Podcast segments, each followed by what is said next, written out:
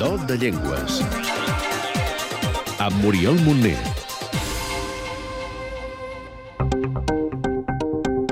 Nom, Italià. àrea geogràfica, Itàlia, San Marino, Ciutat del Vaticà, parts de Suïssa, Croàcia, Eslovènia i Mònaco. nombre de parlants, 54 milions. situació o estatus legal, Oficial a Itàlia, Suïssa, Ciutat del Vaticà, San Marino i en una part d'Eslovènia. Reconeixement legal a Croàcia, sense reconeixement a Mònaco. família o origen, Indoeuropea, branca, romànica, grup, oriental, sistema d'escriptura, alfabet llatí. Una de les primeres coses que ens venen al cap quan parlem de l'italià és molts dialectes. N'hi ha desenes, però clar, no pas de l'italià, sinó del llatí. Dialectes que es parlen a la Itàlia actual des d'abans de la reunificació del segle XIX. Ana Maria Chiarabola, filòloga de l'Institut Italià de Cultura de Barcelona. La nostra és una llengua que és molt joveneta, mm, molt antiga pel que fa a l'italià literari, però és molt joveneta.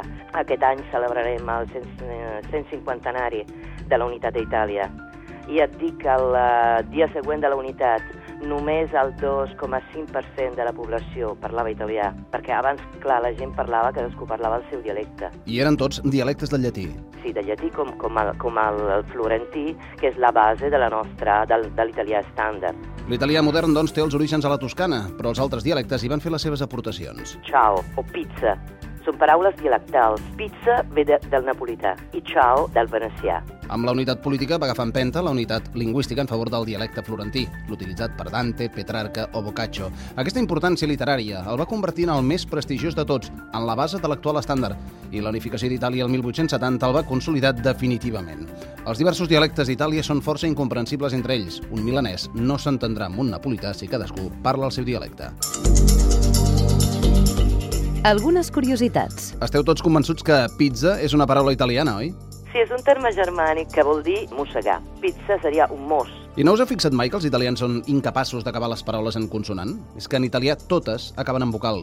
I aquí no li ha cridat mai l'atenció la supressió de la lletra H a l'inici de la paraula? Si fins i tot fa mal a la vista de veure. Hospital, per exemple, s'escriu hospedale, sense H. No és cap falta d'ortografia. Algunes teories diuen que sota la dictadura de Mussolini es va decidir eliminar la H perquè en ser muda i no pronunciar-se tampoc no calia escriure-la. I algunes similituds amb el català. L'italià també té pronoms febles. Per exemple, el nostre en Ne vuoi, en vols. i també el nostre i, però aquest no sempre s'hi correspon. Per exemple, en la frase hi aniràs, Ci andrai seria el ci. hi ha algunes paraules que són iguals en italià i en català, Donna. La diferència és només una N sense, amb una Z. però no tot és així, eh? Alerta amb les paraules que sonen igual però que volen dir coses diferents. Si tu a un italià dius noia, no pensa a una, a una, a una jove, pensa a un avorriment. Noia és avorriment. I una altra similitud. A Itàlia, la paraula da funciona com en català la paraula can. Da Giorgio és Can Jordi. Podria ser que aquest da vingués de domus, casa en llatí. I com a sons molt característics de l'italià, les dobles consonants. Una paraula amb doble Z i una amb doble G. Ragazzo, maggio, que és un mes. El mes de maig, efectivament. Per cert, en italià no existeixen ni la K, ni la J, ni la W, ni la X, ni la Y.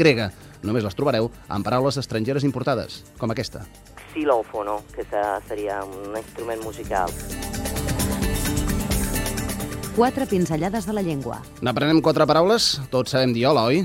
Ciao, I adeu, que és literalment a reveure. arrivederci, Bon dia, buongiorno, bona nit, buonasera, buonasera e buonanotte, si te'n vas a dormir. si us plau. Per favore, Gràcies. grazie. Per comptar de l'1 al 10, 1, 2, 3, 4, 5, 6, 7, 8, 9, 10. un joc de paraules sobre 33 trentins que entren a Trento al trot. 33 trentini entrarono a Trento tutti e tre trotterellando.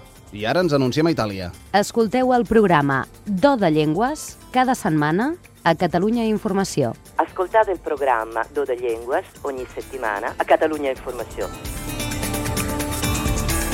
Per saber-ne més, Podeu aprendre'n més coses als webs linguamon.cat, tecnolog.com, gela.cat, linguislis.org i omniglot.com i també a facebook.com barra dotallengües. Cada cop que desapareix una llengua, perdem una manera d'entendre el món, una manera de viure'l i de descriure'l.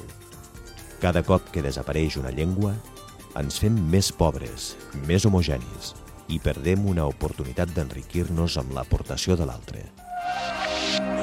aquest espai es fa amb el suport de Linguamont, Casa de les Llengües.